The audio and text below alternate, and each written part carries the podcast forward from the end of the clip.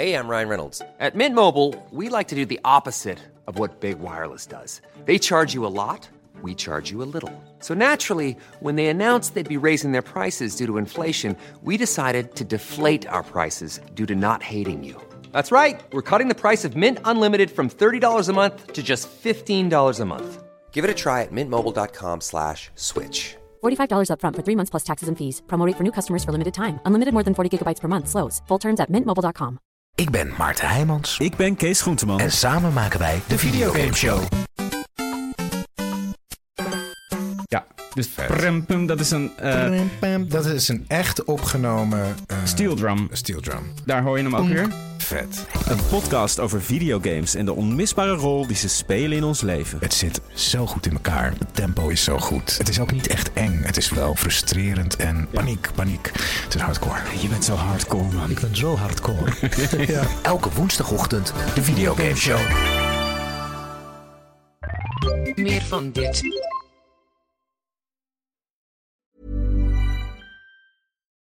Meer van dit. Hallo, mijn naam is Gijs Groenteman en dit is weer een dag, de podcast waarin ik elke dag 12 minuten, ik houd bij me de kookwekker, bel met Marcel van Roosmalen.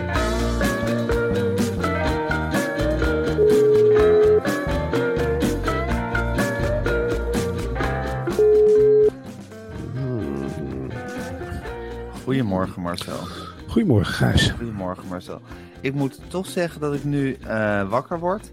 En wij zijn natuurlijk twee nieuwe speerpunten van de NPO uh, geworden, hè, met z'n tweetjes. Ja. Het draait heel veel om ons en er wordt echt zwaar op ons ingezet. En ik had ook echt het gevoel van, nou, wij, wij kunnen dat varkentje gaan wassen. Hè? Dat, dat ligt toch een beetje braak, dat hele terrein. En misschien kunnen wij daar wel op inspringen. Maar dan toch na dat interview met Matthijs, denk ik toch, ja, dan moeten we toch over onze schouder kijken de hele tijd. Heb jij dat ook? Tuurlijk, we zijn maar. Ik, ik heb dan meteen zoiets van ja, hoe professioneel hij dat aanpakt. Ik denk, wat zijn we toch frutsels met z'n tweeën? Uh, wat, wat gaan we nou eigenlijk lopen doen? De man is zoveel vaardiger op het gebied van taal ook dan wij zijn. Je moet wel ja. gewoon. We zitten wel te spelen omdat iemand anders op het strafbankje zit. Dat voel ja, ik precies. heel ja. erg duidelijk. Ja, ja. Zo van het, het schoolplein was even vrij omdat het populairste jongetje toevallig een strafmiddag had. Ja, het maar nu is jongetje hij waar, terug. Ja, het jongetje waar we allemaal bang voor zijn. En we hebben Ja. een hele grote waffel opgezet. Maar het- hij hoeft maar te kijken en ik kruip weg. Weet je wel, hier is de bal. Ga, Ja. ga jij maar op doel schieten. Ik, ik kan niet eens mikken. En dat, dat voel ik. Hij is nu terug. En eh, ik heb wel, ja, je geniet toch wel niet alleen van de geïnterviewde. Maar ook van de interviewer. En van de krant hè, waarin het in staat. Het is NRC, echt, echt jouw, een, jouw krantje. ja, dat vervult me van, t- met enorme trots. Ja. Het, het, je voelt gewoon dat daar een heel team, want Karel Smouter, dat geeft hij ook in tweets aan, die heeft niet alleen gewerkt. Natuurlijk niet. Zo'n mooie productie, die- ja, die kan hij echt, die is in eentje dragen. Nee, die heeft backup gehad. Enorm. Die is naar de redactie gegaan. Die heeft gezegd, jongens, witte rook uit Deventer. Nou, ze Ja. een groep bij elkaar gehaald. Woont Karel Smouter daar ook zelf? Want hij, zei- hij zegt, ik ben naar, dat- naar dat café, eh, de, de dronken soldaten voor heet het, of de, De hoofdige boer. de hoofdige boer. Maar daar was hij naartoe gefietst, schreef je in het stuk. Hij is speciaal, eh, hij is op een zeker moment om onduidelijke journalistieke redenen afgereisd naar het oosten van het land, daar Ja. gebleven. Nu weten we waarom. Hij is waarschijnlijk in Deventer gaan, Gaan wonen vanwege dit, interview. Ja. Met die geheime missie is hij, en hij is iedere dag, wordt gezegd binnen NRC, van hij is iedere dag op zijn fiets in de buurt van Almen gaan fietsen. Eh, want eh, hij heeft toch ook, ja, je gaat een man als Matthijs ook niet bellen. Nou, hij wist natuurlijk dat hij de hond Mick heeft. Mick moet worden uitgelaten. Nou, dat hebben we allemaal kunnen lezen, hè, om weer onder de mensen te zijn. En dat is begonnen met een toevallig, nou, Matthijs heeft waarschijnlijk gedacht, is een boerenjongen. Op weg ergens, eh, die zijn geit aan het melken. Hij of ook een boerenkiel aan en zo'n pet? hij heeft sowieso wel een uitstraling dat hij, dat hij daar vandaan kan komen. Ja, dus hij kan moeiteloos undercover eh daar zitten. Hij is dagelijks gaan rondtoeren op, op zijn fiets. En eh, s s'morgens ook, s'avonds, middags. Dus Matthijs heeft hem in het, in het voorbijgaan waarschijnlijk honderden of zo niet duizenden keren eh, gepasseerd. Totdat Karel Smouter in één keer, ja, en dat gaat dan bij Karel Smouter met veel, ja, het is niet lomp, maar het gaat niet onopgemerkt als die van een Nee. fiets afstapt. Die zwaait heel erg met zijn benen. En ehm, die heeft zich toen een keer eh, voorgesteld. Is een stuk opgelopen. Ja, de volgende keer is Matthijs weer zijn hond gaan uitlaten. Krijgt die Karel Smouter erbij. En zo is er een vertrouwensband gesmeed. Ondertussen heeft Karel natuurlijk Gerapporteerd consequent, aan NRC. consequent gerapporteerd aan, aan zijn collega's bij NRC. En dat zijn niet de minste. Hè. Dat zijn echt een Hugo Lochtenberg. Een, een, echt een, een team met vakmensen. Ja, en zo is dat interview. fleur is dat. Van de Ja, journalistiek. En je kunt het ook zien dat er heel hard aan gewerkt is. Want nogmaals, de schrijfstijl was echt. Ik werd helemaal van de eerste passage tot het laatste woord werd ik meegenomen in dat, Ja. in dat verhaal. En in die journalistieke productie ook. Want eh, ja, het begon met een gesprek. En daarna is ze weer afgebeld. En daarna ging het toch per mail. En daarna kwam er een verantwoording. Matthijs heeft over heel veel woorden heeft hij vervangen door mooiere woorden. Dus er zijn wat zinnetjes geschrapt. En toen, ja, met fotografie is het dan toch nog misgegaan. Ja. Er is niemand bij NRC die ook maar tegen Matthijs, Matthijs heeft waarschijnlijk gezegd, sta ik al leuk op op de foto's. Daar gaat het helemaal niet om.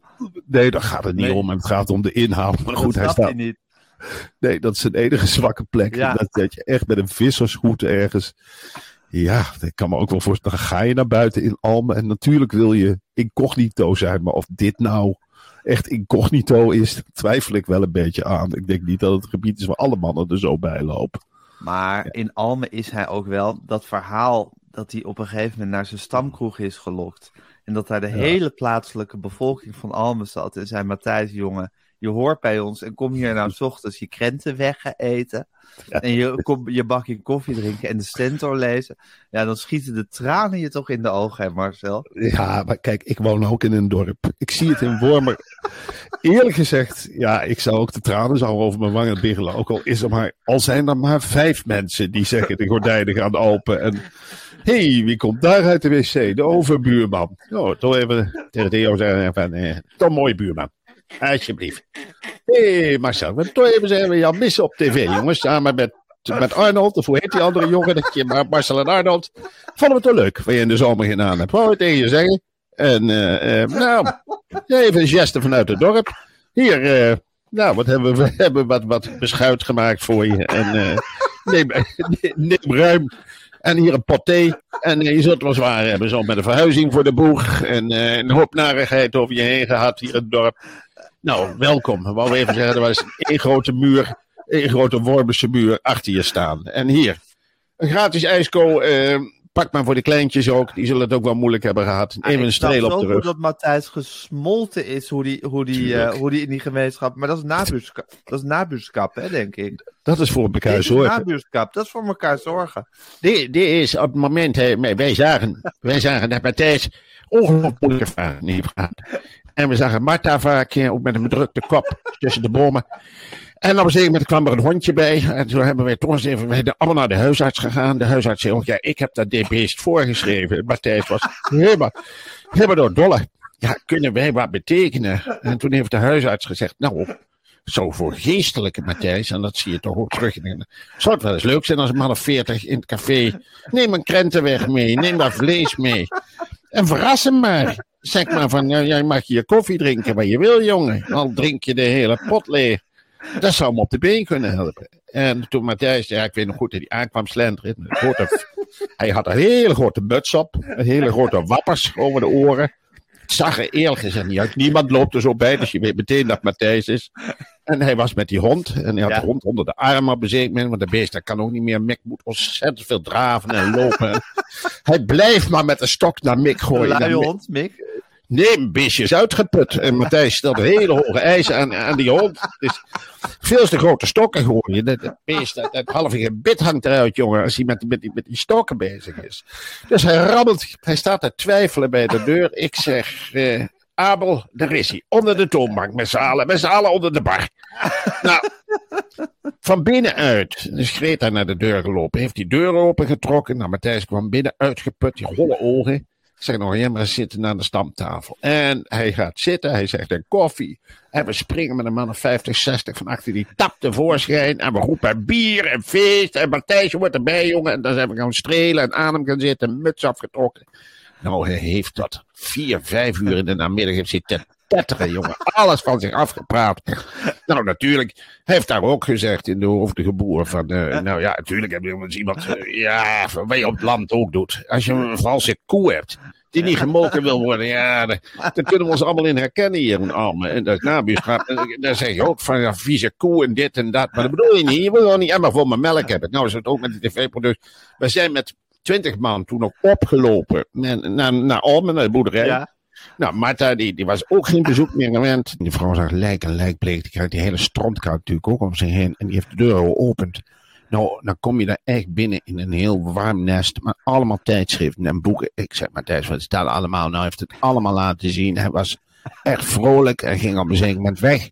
En dan kwam hij terug in een hele rode trainingsbroek. En zei, die heb ik thuis altijd aan. Wie wil er nog? Marta, ga eens koken, zei hij. En Marta, die heeft gevulde varkenskop. Daar is hij gek op. Die heeft hij gevuld met mais en allemaal producten van het land. En in de oven gezet en lekker ingesmeerd. Hij zegt, open avond. Open avond, de wereld gaat hier open. Almen is dus. Dan ben ik me niet op tv, maar thuis. Nou, we zaten allemaal zin met geen vuur maken in de tuin. Nou, dan moet je Matthijs hebben. Die begon alles op te stoken. Ik zeg, op zeker met Matthijs, je hoeft je meubeltjes niet in te gooien. We hebben nog een hout liggen, jongen. En toen is er een vriendschap eigenlijk ontstaan voor het leven. De volgende dag wordt er aan de deur gekrapt. Ik denk dat half tien morgens was. Met lekker zelfgebakken brood. Ik zeg, jongen, kom binnen, we hebben nog krenten weg, alles. Nou, zit en vreten, de mond afgesmeerd. Met Mickey weer mee naar de hoofdige boer. En dat staat niet in die artikel van die smouter. Maar er is er eigenlijk, die tweede dag, is er weer zo'n dorpsfeest geweest. Weer rondom Matthijs. Nou, weer janken geblazen. Tranen biggelden hem echt over de wangen. De man heeft zo ontzettend alleen gezeten met zijn ellende. Terwijl hij hier in het dorp. Wij kijken één nergens van op. Nee. Echt nergens van op. Eh, de- de- Ik kan het echt niet meer denken of het is allemaal hier gebeurd in Al. Ja. Dus het is echt iets fantastisch. En de hoofdige boer is echt nu weer in de huiskamer. Hij zit er als je hem wil zien. Maar we schermen hem wel af. Hè? Ja. Want Het is niet zo dat je naar de zo... hoofdige boer gaan soms. Ja, maar dan kom je eerst maar eens door een commissie van buurbewoners heen. Dan kom je er eerst maar eens nog heen. Maar dan zeggen we wel, wat ga jij doen in de hoofdige buur? Ga je gewoon eh, koffie drinken of ga je Matthijs lastigvallen? Nou, als we de indruk hebben dat Matthijs wordt lastiggevallen, houden we Kom tegen. je er niet in. Karel Smouter is hier, denk één keer geweest in de hoofdige boer. En die, die was doods en doodsbang. We hebben hem aan zitten staren en die zat net te kwelen. En dat brilletje ging op en af en die rossige kop. Ja. Hij zegt, ik kom hier om Matthijs te observeren. Ik zeg, nou, Karel Smouter, je komt helemaal niks doen, jongen. Je gaat maar terug naar je redactie en je gaat hem maar bellen of mailen. Dan zitten we hier in Almen niet op te wachten. De hele tijd Karel Smouter met De zijn fiets. hoofdige boer kunnen mensen zichzelf zijn. Tuurlijk kunnen ze Ja. zichzelf zijn, de hoofdige boer. Ja. Tenminste, als je uit Almen komt. Ja, als je uit allemaal komt. Hey, en Marcel, Karel Smouter heeft er dus een fantastisch artikel van Ja. gebakken. Samen met de hele redactie van RC. Die hebben er met z'n allen op zitten broeden. Matthijs heeft elk woordje op de juiste plek gezet. En wat heeft hij een spijt, hè? Ongelooflijk veel spijt. En ik, Ongelooflijk veel spijt heeft hij van alles wat hij heeft gedaan. En natuurlijk, hij, hij heeft duizend mensen, oh, dat zegt hij ook eerlijk. Ik denk dat er duizend zijn geweest. Ja, duizend ik mensen. wist niet dat het een burn-out fabriek was. Hij wist niet dat het een burn-out fabriek was. Nee, ja, maar goed, eh, dan moet, ik, dan moet ik me ook mijn hand wel een beetje voor in het vuur steken voor Matthijs. Ik heb het zelf ook niet in de gaten. Je hebt te maken met, ja, wij hebben ook te maken met wisseling van de wacht af en toe. Ja. En je weet niet wat er in het achterland gebeurt. Ik maak me niet druk over iedere cameraman, moet je natuurlijk wel doen. En Ja. dat is de les die we van Matthijs leren. Hij heeft er ongelooflijk veel spijt van. Ontzettend spijt. veel spijt. meer spijt kun je niet hebben. Nee. Dus eh, wat moet, je, wat moet je nog doen? Hij heeft nou op heel veel woorden heeft hij eigenlijk één woord gezegd. Sorry. Ja. Het zal niet meer gebeuren. Ik heb voortaan oog voor, voor alles. Ja. Ja. Eh, eh, meer spijt kun je niet hebben. En nou is het de- vraag of de vergiffenis wordt geaccepteerd. Ieder woordje wordt natuurlijk ook gewogen door de goede gemeente. En dat is natuurlijk ook wel eens vervelend.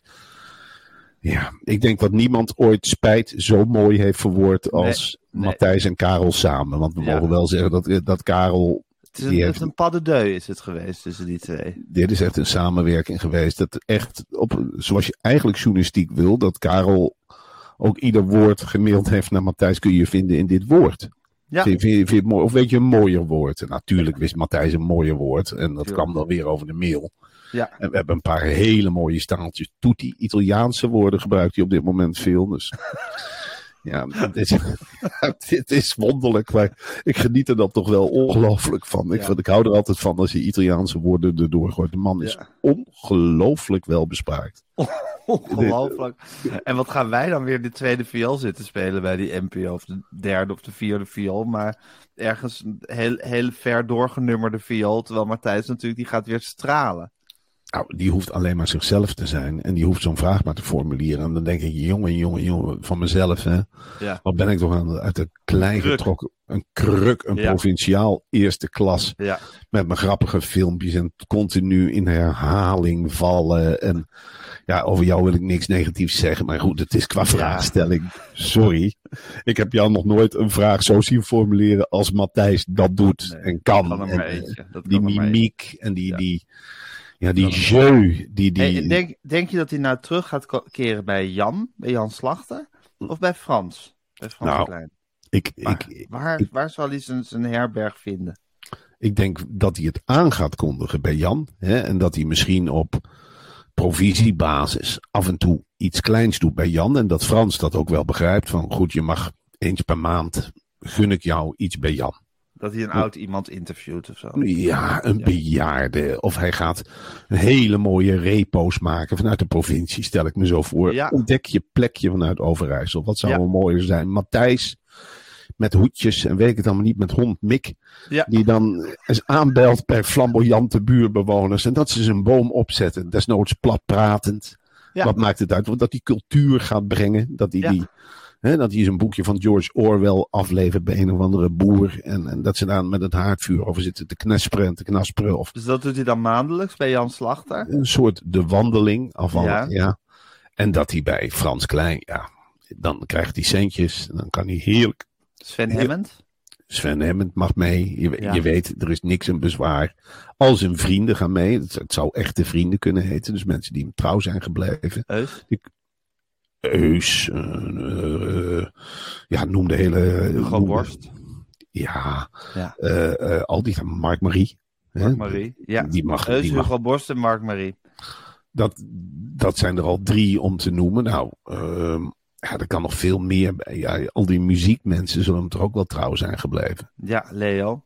Leo Blokhuis. Ja. Ja. Ja. Giel Dus dat wordt- Belen, dat die weer Giel eens uit het vet wordt gehaald. ja. Dus dat wordt een hele warme vriendenclub eh, bij Frans en John de Mol. Tuurlijk, dat wordt, Ja. dat wordt gezelligheid, dat Ja. wordt informatief. Ja. En dan, eh, ja, dan, dan heeft Frans Klein ook een hele mooie opening. ja, ik zou het wel een opluchting vinden als hij wegging bij de NPO. Want ja, het voelt, het voelt dan zo tweedehands wat wij allemaal gaan doen. Tuurlijk, dan zitten we uit die schaduw. En dan, we, dan- kun- kunnen we ja, ons eigen NPO-dingetje doen. Zonder Ja. dat Matthijs er de hele tijd boven hangt als een soort geest. Ja, want dan is die scoringsdrift weg. Je Ja. zit toch te vechten tegen een, een fantoom. Iets Je waar kunt niet tegen te vechten is. Tuurlijk niet. Nee. Daar kun je niet van winnen. Ik ga Nee. meteen op de rug liggen met de pootjes omhoog. En nu denk ik van ja, als al die zogenaamde grootheden weggaan. Ja, Ja. Ja, Dat, dat schept mogelijkheden. Dat schept zeker mogelijkheden. Jezus, maar nou, het was een, het was een, het was een, het was een enerverend weekend door dit alles. Ja. En, wat, en, en wat heeft Smouter het goed gedaan? En wat is hij er bescheiden onder gebleven? Alle credits geven naar de redactie van de NR NRC. Hij Ja. heeft bedolvonden interviewverzoeken ook zelf. Ja, Heeft hij daar ja of nee tegen gezegd? Karel Smouten, dat is zo'n bescheiden iemand, zo'n bescheiden inborst. Die zegt automatisch: nee, nee, het gaat niet Ja. om mij. Het gaat om Ja. het journalistieke verhaal. Ja, Dat zegt hij heel duidelijk. Heel Ja. duidelijk. Van het liefst had hij zijn naam er niet bij gehad. Heeft hij echt intern voor geknokt. Van zet het er maar niet boven, jongens. Ik ben, me- ik ben maar een minkukel. Mijn naam. Ik, ik hoef niet zo nodig in het ik ben een zonnetje. heel klein pionnetje in dit geheel. Desnoods had iemand anders het gedaan. Ik ben vervangbaar. Ja, En toen hebben ze toch gezegd: nee, Karel, we zetten jouw naam erboven. En toen heeft Ja. hij heel mooi voor de krant lopen knokken. Hè, want eh, er was, werd geklaagd dat het alleen voor NRC-abonnees te lezen was. Het interview. Ja. Schijnbaar is dat tegenwoordig al een reden tot een klacht. Ik vind het Ja. wonderlijk. En toen heeft. Ja, het, het is toch wonderlijk dat Ja, je voor een krant. van Matthijs had een televisie-interview moeten geven, want dat was dan voor iedereen te zien geweest. En dit is alleen Ja. voor de happy few die NRC hebben. En toen zei, het is ook nog gezegd, goh, het is heel duur om een NRC te kopen. 5,20 euro geloof ik in het weekend. 525, ja. 5,25. En toen zei Karel heel terecht, Ja, toen liet hij weer zijn wereldvreemde kant zien. Toen zei hij: ja, het is eigenlijk de prijs van een biertje. Ja. NRC is net zo duur als een biertje in het weekend. Het kan er wel af, 5,25 euro. Nou, Ik zeg je eerlijk, ik vind het pittig voor een krant, 5,25 euro. Maar Ik vind het ook pittig. Maar goed, eh Karel levert op natuurlijk ook een heel klein beetje in zijn eigen werkelijkheid. En hij heeft dus alle interviewverzoeken afgeslagen. En er werd ook gezegd van, is het nu klaar met Matthijs? En heeft hij ook gezegd, ja, nu is het klaar. Door naar weer naar alle andere onderwerpen die er wachten. Ja, ik roep alle reportageschrijvers niks in is te Nederland. klein, hè, voor Karel Smout. Nee, maar ik zou het wel leuk vinden om nu ergens een, een reportage over het leven van Karel Smouter te zien. Ja, Hoe hij de dag na de scoop gewoon weer aan het werk ging. Gewoon weer die, die Overijsselse gewoonheid. Die, heeft, die is daarna gewoon weer naar een of andere bijeenkomst geweest. Gewoon voor de achtergrondinformatie. En heeft hij ook meteen gezegd: eh, Jullie zullen me wel herkennen. Ik ben Karel Smouter van het Grote Matthijs interview. Maar ik ga gewoon achter in de zaal zitten. Ik ben net zo toegankelijk als ik was. Ik ben nog dezelfde eh, Karel. Ik, ik ben hier niet voor een scoop. Ik ben hier voor een achtergrond. ik ben gewone Karel. Ja. Ja, fantastisch. Kon jij dat verhaal maar schrijven, Marcel? Ja, dan zitten we Ja. met een verdomde NPO-contract. Maar anders Ja. was ik, eh, ja, anders was ik echt nu gewoon een paar weken achter Karel Smouter aan gaan lopen. gewoon in de buurt van zijn huis rondcirkelen op de fiets. En eh, gewoon eens even kijken als hij naar buiten komt. En dan heel toevallig een praatje maken. Hé, hey. Karel, dat is toevallig. Ja, ik liep, liep gewoon eigenlijk door Deventer. En ik dacht, wel een mooie woonwijk. En eh, zo, is dat jouw huis? Pompo, jongen, jongen, twee onder een kap. Ja, Ah, de kleintjes dan weer naar school. Mhm, mhm. Dan ga je nog koffie drinken. Wat, wat, wat, hoe ziet jouw werkdag er nou eigenlijk uit? Nou, ik ben er toch in Deventer. Ik wil een pot koffie drinken. Als je, als je wil. Dat is je stamcafé. Te Brink in Deventer. Aha, aha, aha. En er wonen nog meer bekende Nederlanders hier. Heus, ja, ben je ook mee bevriend. Nou, leuk. En waar ga je dan... eh, oh, wat, wat een journalistieke conglomeratie is dat aan het worden. Heel Ja, groot eigenlijk. Wat dacht je van de... Hoe heet die van de VARA-gids? Event, de, ehm, Karel Smout, wat zeg je? Ach, Die jongen van de VARA-gids, die hoofdredacteur. Roy. Die Roy! Roy, die komt er ook vandaan. Ja, dat is echt niet de minste in journalistiek Nederland. hè. Ik lees eh, Roy van Vilsteren. Dat Als ik wil weten, die bespiegelt iedere week in de VARA-gids. Het is een beetje onderbelicht, maar ik leer daar veel van. Dan denk ik, aha, zo Dat zijn de dus. overwegingen geweest. Aha, dus, lopen de hazen. dus dit is veel mooier dan die commerciële prut. Aha. Ja, Ja, nee, dat is, een, dat is iets geweldigs. ja nee, Dus- dat Deventer is echt een, een epicentrum van de journalistiek aan het worden. Heel interessant om dat te volgen voor een Ja. reportageschrijver, denk ik. ja, dat is Toch? misschien iets voor Beukers om heen Ja. te gaan. Gijs Ja. Beukers. eh, Wat, Deventer, broeit, wat broeit er in Deventer? Ja, en dat hij dan met die, ja, met die trouwe loebas ogen gewoon over die markt gaat struinen. Van, hé, hey, er brengt dit, hey. En al die verbazing die ik niet eens meer kan spelen, maar die Ja, intens diep in hem verankerd zit. ja, Ja, dat zou fantastisch dat zijn. zou heel interessant zijn. Maar, Marcel, dat is allemaal super Ja. interessant. We gaan ook nog een bak nieuwtjes doornemen zometeen. Maar eerst wil ik even het volgende met je doornemen. Het wordt een bloedhete nazomerweek. Ja. En dan hebben heel veel mensen moeite om s'avonds de slaap te vatten. Ik had dat ook altijd in de hitte, moeilijk slapen. Maar ik kan je wel vertellen, sinds ik op een Mad Sleeps matras lig, kan ik gewoon niet anders dan in slaap vallen. Ik zie, ik ruik dat matras Ja. en ik ben in dromenland. Zo lekker ligt dat matras. Gijs, ik kan jou vertellen, jongen, je hoeft je niet eenzaam te voelen met dit gevoel en deze gedachten. Want je bent niet de enige die zo enthousiast is. Nee? Jij zei het al langer, maar ik heb een abonnement op de Consumentengids. En de Consumentenbond is nu ook helemaal om. Consumentenbond schrijft met Sleeps beste uit de test. En dat is een kwalificatie die je niet zomaar krijgt. Nee, en ik kan me, als ik me goed herinner, heeft Mad Sleeps enige tijd hiervoor ook al het predicaat groene keuze toegewezen gekregen. Dus op het gebied van duurzaamheid maakt Mad Sleeps ook een hele goede beurt. Ehm, ik kan je wel vertellen, Gijs, als met Sleeps niet goed scoorde op het gebied van duurzaamheid, zou ik niet zo lekker liggen te Nee. slapen. Ik wil een duurzaam matras. Natuurlijk, je wil Ja. weten wat erin zit en je wil weten dat het goed is voor Ja. moeder aarde. Ja, En dat is allemaal, wat op het gebied van Mad Sleeps, goed nieuws. Maar nu even een kleine kanttekening. Met moet zich ook namelijk ergens voor excuseren deze week. Waar met normaal gesproken matrassen binnen, binnen één of twee werkdagen levert, is dit tijdelijk opgelopen tot 14 werkdagen. Na die prijsregen die met ten deel viel, zijn de orders lastig bij te houden. En met gaat één ding niet doen. En dat is het personeel over de kling jagen. nee. Of mindere matrassen maken. Nee, Nee. ze zeggen gewoon wij doen dit met deze mensen. En Ja. jullie blijven allemaal gewoon in je eigen tempo werken. Ja, maar dat is echt de prijs van het succes die Met nu betaalt. Hè? Dat je gewoon 14 werkdagen moet wachten op een matras. En dat vinden zij nog erger dan de mensen die de matrassen bestellen. Hè? Ik Ja, bedoel, ze, ze, ze lijden daaronder bij Met Sleeps. ja, dat vinden ze iets verschrikkelijks. Eh, ik ken die met. En Ja, ongelofelijke joviale vent. Eh, ik ben er weer een keer langs geweest om een pluimpje uit te delen. Hij had te janken in zijn kantoor. Hij zegt, Marcel, de reclame gaat gewoon door hoor, want we hebben het gepland. Ik krijg het niet bijgewerkt. Krijg het niet. En ik wil niemand over de kling. Ik zeg, jongen, dat komt helemaal goed. Ja. Ga je maar lekker in je eigen tempo door. De klanten snappen dat ook wel. 14 werkdagen wachten. Het is lang, maar het is, het is ook wel weer te overleven. En ik wil toch eindigen met goed nieuws. Ja. Want er is wel voldoende voorraad. Dat is weer een van de vo- voordelen van lokale productie. Ja. Maar het verwerken van de orders duurt wat langer. Dus dat is, dat is wel even belangrijk om te melden. Er is die- voorraad, hè, maar het duurt even wat langer om ze allemaal bij de begerige Ja, klanten te. Er zit iemand met een vlekje bij de ordeverwerking. En die kun je echt niet op gaan jutten of wat dan ook. Dat moet sneller. Nee, die werkt in zijn eigen tempo. Die werkt er al jaren tot grote tevredenheid. Ja. Die krijgt een gewoon salaris. Dan wordt echt net zo behandeld als alle Het is anderen. iemand met een gebruiksaanwijzing. Tuurlijk. Het is zoals het op die hele Met Sleeps fabriek barst van de mensen met een gebruiksaanwijzing. Maar goed, laat Met Sleeps zijn goede werk doen. En laat die met veel zorg die matrassen in elkaar. En laat het bij de ordeverwerking dan even stokken. Ja. We gaan niemand over de kling jagen. En wat Sleeps nu doet, dat hoeft niet eens, want de orders stromen binnen. Maar gaat toch gewoon door met kortingen geven. Absoluut. Dus, Marcel.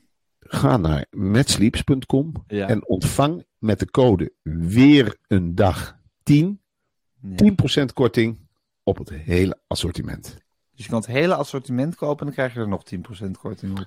Twee weken wachten en dan wordt het gewoon thuisgebracht. En je, die korting hoeft niet te worden gegeven, maar die wordt gegeven omdat Mad Sleeps ook zoiets heeft. Als iedereen op een Mad Sleeps matras slaapt, wordt de aarde daar beter van. Ja, je krijgt uiteindelijk een betere wereld als iedereen uitgeslapen is op zijn eigen duurzame matras. Ja, nou, fantastisch. Dan hebben we dat eh, besproken. En dat is natuurlijk altijd hartstikke goed om even door te nemen. Dan ga ik nu de kookwekker erbij pakken en hij loopt.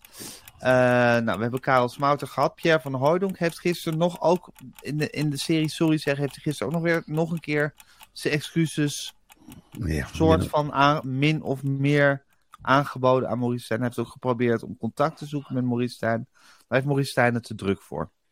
Maurice Stijn, die heeft op een gegeven moment telefoon opgenomen. Nou, Pierre van Hooydonk aan de andere kant van de lijn. Nou, sorry, sorry, sorry. En Maurice Stijn heeft terecht gezegd, ik ben nog niet in staat op dit moment om de sorry te accepteren. Nee. Wij gaan een pot koffie drinken, Pierre. Maar vind je het heel erg als ik eerst Ajax op de rails probeer te zetten? Ja. En natuurlijk had Pierre er alle begrip voor. Die zei ook, sorry, ik heb, ik heb weer een blackout gehad. Ik heb allerlei lelijke dingen gezegd over Ajax. Ik hou me nou in. Ik ga alle clubs bespreken, behalve Ajax. Zul je net zien. Het was per ongeluk, een slip of de tong. Ik heb, we zeggen, en ik dacht ook van, ja, zo is het ook, Pierre. We zeggen allemaal wel eens wat geks.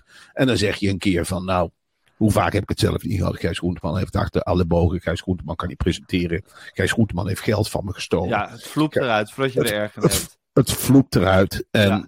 ja, dat komt jou dan Je te meent het helemaal niet. Dan heb ik ook meteen gezegd, nou, ik weet het helemaal niet. Ik zeg wel eens vaker dingen over jou. Ik meen het helemaal niet. Ik vloep het eruit. En nou, zo gaat dat. Het wordt als twee grote kerels hier opgelost. En Maurice Stijn heeft eerlijk gezegd ook wat anders. Die denkt ook van, nou, hoe lang ik Pierre aan het lijntje houd. Hoe langer het niet over Ajax gaat uit die mond. Dat scheelt er weer één. Want zo Ja, goed. dat is waar. Nou, nou ook weer Zolang niet Maurice Stijn zijn telefoon niet opneemt, is, is Pierre van Hooydonk eigenlijk geremd om dingen over Maurice Stijn te zeggen. Dat is inderdaad ook dat- slim. Het is heel slim van Maurice Ja. Stijn. Eh, en er valt op dit moment genoeg over Ajax en Maurice Stijn te zeggen. Dus dit, die heeft hij al koud gesteld. Ja, Heel heel, slim. erg slim. Wat een raar jaar is het hè, voor Ajax. Het, is een soort, het voelt een beetje Vitesse-achtig. Ik geniet met volle teugen. Ja, dat Gijs. snap ik. Eh, Het is werkelijk, nou weet je ook eens hoe het voelt om een elftal te hebben met elf spelers waarvan je de naam niet kunt onthouden. Ja, en dit is toch maar het begin. Zo Ik- is dat dus inderdaad. Ik lees namen van mensen die nu aanvoerder zijn bij Ajax, waar ik eerlijk gezegd nooit van heb gehoord. Briljante talenten zijn opgepikt uit de Duitse tweede en derde divisie, Kroatië. Ja, het is magnifiek wat er Ja. gebeurt. Het is, ik heb nog nooit een club in zo'n recordtijd Ja, nou, zien afgeleiden weet ik niet. Wellicht blijken het allemaal een soort ongelofelijke wondervoetballers. Zo ziet het nog niet naar uit. Maar ik geniet met volle teugen hiervan. Ja, en het heeft met Ajax heeft het toch allemaal weinig te maken? Ja, ik weet het niet. Het, het, is, het is wel heel veel wat er in korte tijd gebeurt. De, ja. de trainer van VVV en een, en, een, en een soort langharige technisch directeur die al ruzie met z'n twee een heel elftal bij elkaar kopen. Het is toch Ja. anders dan hoe Ajax het normaal gesproken doet. En, en die raad van commissarissen, die, waar ik ook ongelooflijk van geniet. Ene Ja. Pier, of hoe die ook heet, die heeft het ook helemaal. En dan, ja, wat ik het allermooiste vond, is nog dat laatste oprispingje. Dat ze de, voor de wedstrijd tegen Ludogorets dan wel met 50.000 man nog met zo'n papieren vlaggetje gaan zitten zwaaien. Alsof het de Champions League is. Ja, Ja, dat, dat, ja, bij Vitesse hebben we elkaar aangestoten en gezegd, we zijn niet langer de gekste. nee. Nou is er een ander zwart schaap in de familie Ja, gekomen. ja, Heel groot zwart schaap. Heel groot zwart schaap waar je heel erg van kan genieten. Hé, hey, Marcel, het is helemaal mis op Burning Man. Ja. was jij van plan te gaan dit jaar? Was dit het jaar dat je daarheen wilde? Ik wilde erheen en ik hoorde dat eh, Victoria Koblenko daar was. Dus ik dacht, nou, weet je, we hebben zulke rare ervaringen met deze vrouw. Ik wacht een jaartje. Ja, En nou, ja, het relaas van Victoria, we weten alle twee hoe hard zij gewerkt heeft. Hè. Dus Och, begonnen man. bij ons en daarna heeft ze eigenlijk geen dag Rensen. Ja, ze heeft geen dag niet in een talkshow gezeten. En het begon met Oekraïne, maar uiteindelijk blijkt die vrouw verstand te hebben van alles. Als je er Ja. maar serieus neemt. Dat Ja. kan er niet tegen als, er, als ze ook maar een zweem heeft van ik word niet serieus genomen. Ze is naar Burning Man gegaan om uit te blazen, make-up dozen mee. Alles was er helemaal klaar voor. En toen is ze dus, ja, het is veranderd in een blubberbad. En als Victoria ergens een hekel aan heeft, is het wel in de vrije tijd in de blubber gaan zitten. Ja. Daar zit de mens niet naar. Blubber heeft een nare eigenschap. Gaat op de huid zitten vaak. Is niet goed Ja. voor de huid. Kruid naar boven. Kruipt naar boven. Gaat in het haar zitten. Ja. Dus ja, je zit daar met hele primitieve omstandigheden. Je verwacht het ook niet. Het heet Burning Man. Je denkt dan lekker in de zon. Victoria heeft altijd op het standpunt gestaan. Insmeren hoeft niet. Nee. Het Als je lichaam maar een zonnebril opzet, geloof ik. als je maar een zonnebril opzet Ja. en eh, af en toe een dutje doet, dan komt het vanzelf goed. Maar hier had ze geen rekening mee gehouden. Helemaal geen zonnetje. Heel veel viezigheid en smerigheid. Sterker nog, zoveel viezigheid dat iedereen weg wil, maar je niet weg kunt. Want openbaar vervoer is heel slecht geregeld bij Birmingham. En Victoria houdt überhaupt niet bij open, van openbaar vervoer vindt ze vies.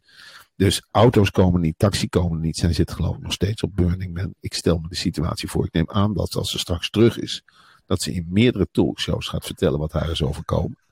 Mag ze bij Van Roosmalen en Groenteman aankomen schrijven om hierover te vertellen? Zeker. En dan eh, kan ik haar Is ze bij deze uitgenodigd? Victoria, jij bent van harte welkom om te komen vertellen over je avonturieren.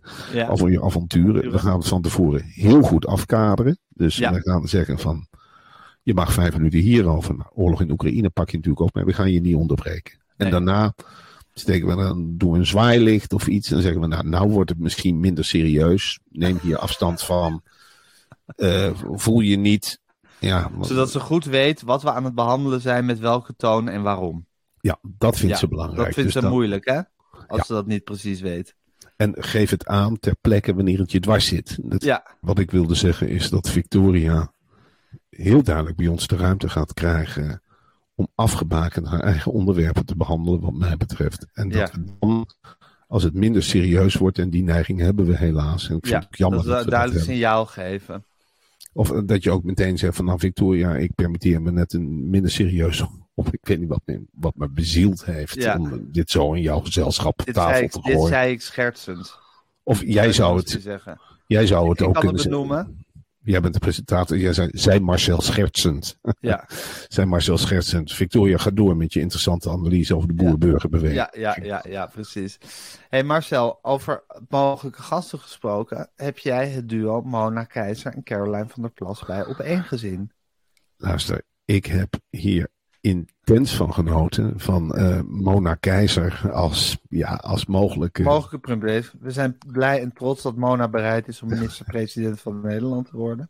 Ja, ik heb ontzettend genoten ook van eh, dat Mona op een zeker moment een vraag kreeg van, de, van Thijs, Thijs van der Brink. Ja. En dat ze gewoon zei van ik heb het partijprogramma nog niet helemaal gelezen. Nee. Dat is iets nieuws in de politiek. Dat, dat Pieter Omtzigt is daarmee begonnen. Die heeft gewoon nog geen programma. Nou, Nee. Mona Keizer is het met alles van de boer-burgerbeweging eens. Weet alleen nog niet wat de standpunten zijn. Nee.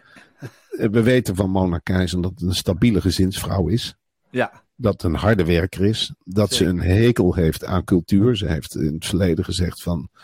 Ja, je kunt naar cultuur gaan, maar je kunt ook een avondje lekker gaan slapen. Vroeg naar bed gaan. Ja, Dan rust je net zo goed uit. Is net zo goed. Nou, dat vind ik heldere standpunten. zeker. En ehm, ja, ik vind het een fantastisch. Ze heeft vroeger vis verkocht in Velp, Mona Keizer. Dat vind ik al een enorme voorsprong. Ze heeft iets. Ja, En jij herinnert je dat ook, hè Marcel? Jij Nou, weet is het nog. Ik weet het, omdat ik, ik. We zagen vroeger wel eens in, in Den Heuvel op Velp. Daar stond een viskar. Ja. Eerlijk gezegd, heel Velp had een beetje een hekel aan een viskar. We zijn helemaal niet een gebied wat aan zee ligt. Nee. We zijn niet zo gek op haringen en palingen. En we hebben de ree. We, hebben, we maken gebak. We bakken We lekker zijn brood. echt de wild, wild mensen. een heel ander gebied. Wij Ja. liggen niet aan zee. En Nee. je kunt de Velpenaar en de Arnhemmer een stuk vis in het gezicht slaan. Maar die hoeft niet iedere dag vis. Nee. Dus wat Mona Keizer had. Ja, die zat aan het eind van de werkdag vaak nog met een volle viskraam. Ze heeft het mij ook een keer bevestigd. Op een zorgcongres kwam ik er tegen. Ze zei, jij komt er uit Velp. De Velpenaar, zei ze, koopt geen vis. Vis. En ze stond er wel te schreeuwen. En, verse vis, verse vis. En Velpenaar liep er gewoon voorbij. Ja. Ze had destijds, was ze in de leer bij een hele strenge vishandelaar uit Arnhem. Ja. En dan moest ze met de viskar, de volle viskar, terugfietsen van Velp naar Arnhem. Ja. Ja, en dan krijg je van zo'n Arnhemmer onderuit de zak. Maar waarom verkoop jij geen vis, Mona? Ja. Waarom je komt toch uit Volendam? Kun je geen vis verkopen? Ben je nou van viswerf? Dan Kun je toch wel vis verkopen of niet? En zo is dat gegaan. Ze heeft een enorme hekel aan Arnhem en Velp. Ah ja. Dus ik ben, en dat ik is ben- wederzijds. dat is wederzijds. Ik Ja. ben heel erg bang dat ze ons, nou ja, dat ze het oosten van het land, eh, Mona is totaal op de Randstad gericht. Dat ze er één groot Volendam van wil gaan maken. Maar Het goed, gaat de cultuur in Nederland en sowieso het oosten van Nederland gaat ze echt de nek omdraaien als ze eenmaal premier van Nederland is. ja, dat worden werkgebieden. Ja, ja. En ja. eh, ehm, ja, eh, voor de rest is het heel erg Randstad gericht en gezinsgericht. ja. Mensen met minder dan vijf kinderen, ja, die zijn eraan. Ze is voor grote gezinnen en ze vindt dat moeders niet moeten zeuren en aanpakken. En het liefst gaat ze naar het buitenland ook om, die, om het nieuwe Nederland te vertegenwoordigen. Ik denk dat we daar een hele mooie vertegenwoordiger aan hebben. Zeker. En verheug jij je ook op de tour die Caroline van der Plas en Mona Keizer samen langs de talkshows gaan maken? Al kibbelend en ruziend en het partijprogramma proberen te doorgronden. En, en wat dacht je van die Dirk-Jan Epping, die erachteraan Ja. met, met zijn rare motoriek. Ja, sowieso, sowieso die, die, die, die, die reeks halffabrikaten die ze van alle extreemrechtse partijen hebben bij, bij elkaar verzameld. Ja, het is toch Is dat voor een gezelschap? Er zit geen boer bij. Ik geloof dat er één boer op de lijst staat. Het zijn allemaal minkukels die zich in één keer verwant voelen met de boeren. Ja. Die Dirk-Jan Epping, ja, dat vind ik wel echt wel een fenomeen. Dat je bij Ja. alle partijen hebt gezeten. En dat je dan ook op de redactie van NRC hebt gewerkt in 1995. Ongelooflijk, hè? Waar was Ja. NRC toen nog mee bezig? Als je ziet dat, Dat- ze nu een Karel Smouter hebben. Dat, wat dat betreft kun je dus de, de ontwikkeling van Nederland heel goed terugzien in het krantenlandschap bij NRC. Die, Ja. Dirk-Jan Epping zou op dit moment, hij zou de kantine nog niet schoon mogen maken bij NRC. Nee. Het is een hele raar soort journalistieke fase geweest, 1995. Ja, Dirk-Jan Epping als collega, dat zou ik ook heel slecht trekken, eerlijk gezegd. Onbestaanbaar. Nou, en even tot slot, Daniel Koerhuis neemt ook afsche- afscheid van de Tweede Kamer. Verbazingwekkend. Ik dacht, nou, die man die, die leek me zo monter met, en hij is de uitvinder van eh, de leus van één woord, door de woordherhaling.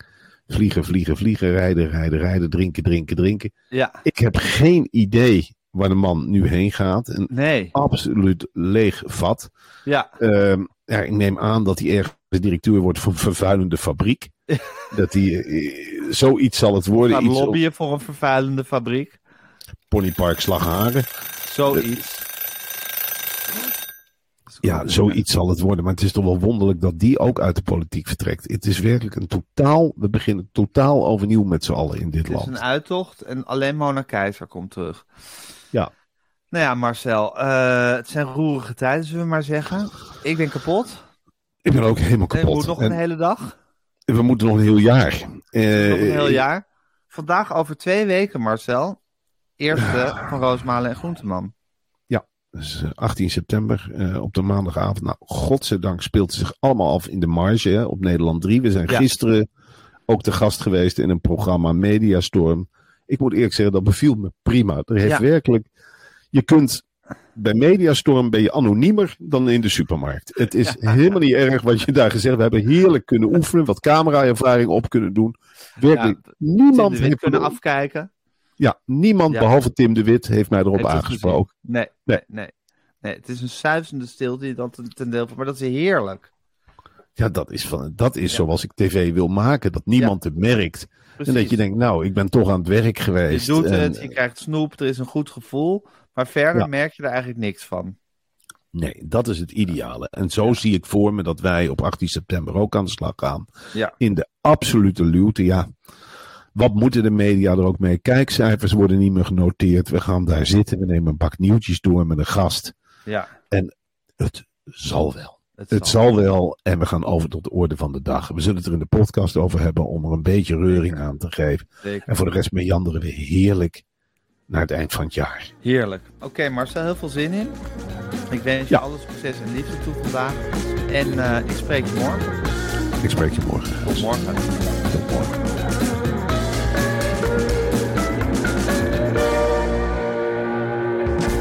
Wil je adverteren in deze podcast? Stuur dan een mailtje naar info.meervandit.nl Meer van dit.